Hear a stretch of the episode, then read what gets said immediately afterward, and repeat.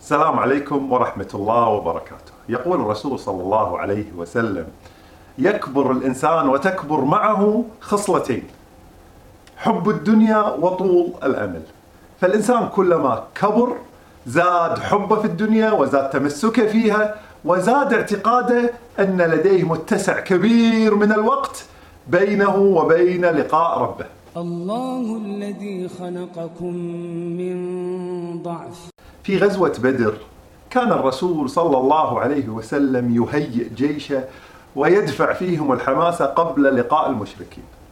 فقال لهم الرسول صلى الله عليه وسلم قوموا إلى جنة عرضها السماوات والأرض. وكان هناك صحابي اسمه عمير بن الحمام وكان يأكل تمرات. فقال بخ بخ فقال له الرسول صلى الله عليه وسلم ما الذي دعاك لأن تقول بخ بخ فقال رجاء أن أكون من أهل هذه الجنة.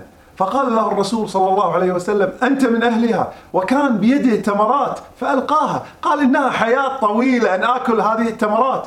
فذهب وقاتل وقتل في سبيل الله. الله الذي خلقكم من ضعف. في كل يوم من الأيام نسمع عن شاب يتوفى وهو بعمر الزهور. يؤلمنا هذا الخبر ونستيقظ في اليوم الذي بعده ثم نسمع خبر آخر. وهكذا نكتشف أن هؤلاء الأشخاص هم بشر مثلنا. كانوا يعتقدون أن لقاءهم بحياتهم الآخرة هي رحلة طويلة.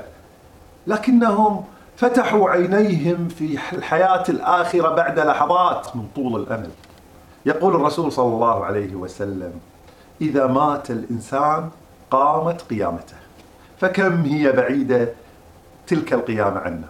الله الذي خلقكم من ضعف ثم جعل من بعد ضعف قوة ثم جعل من بعد قوة ضعفا وشيبا يخلق ما يشاء وهو العليم القدير.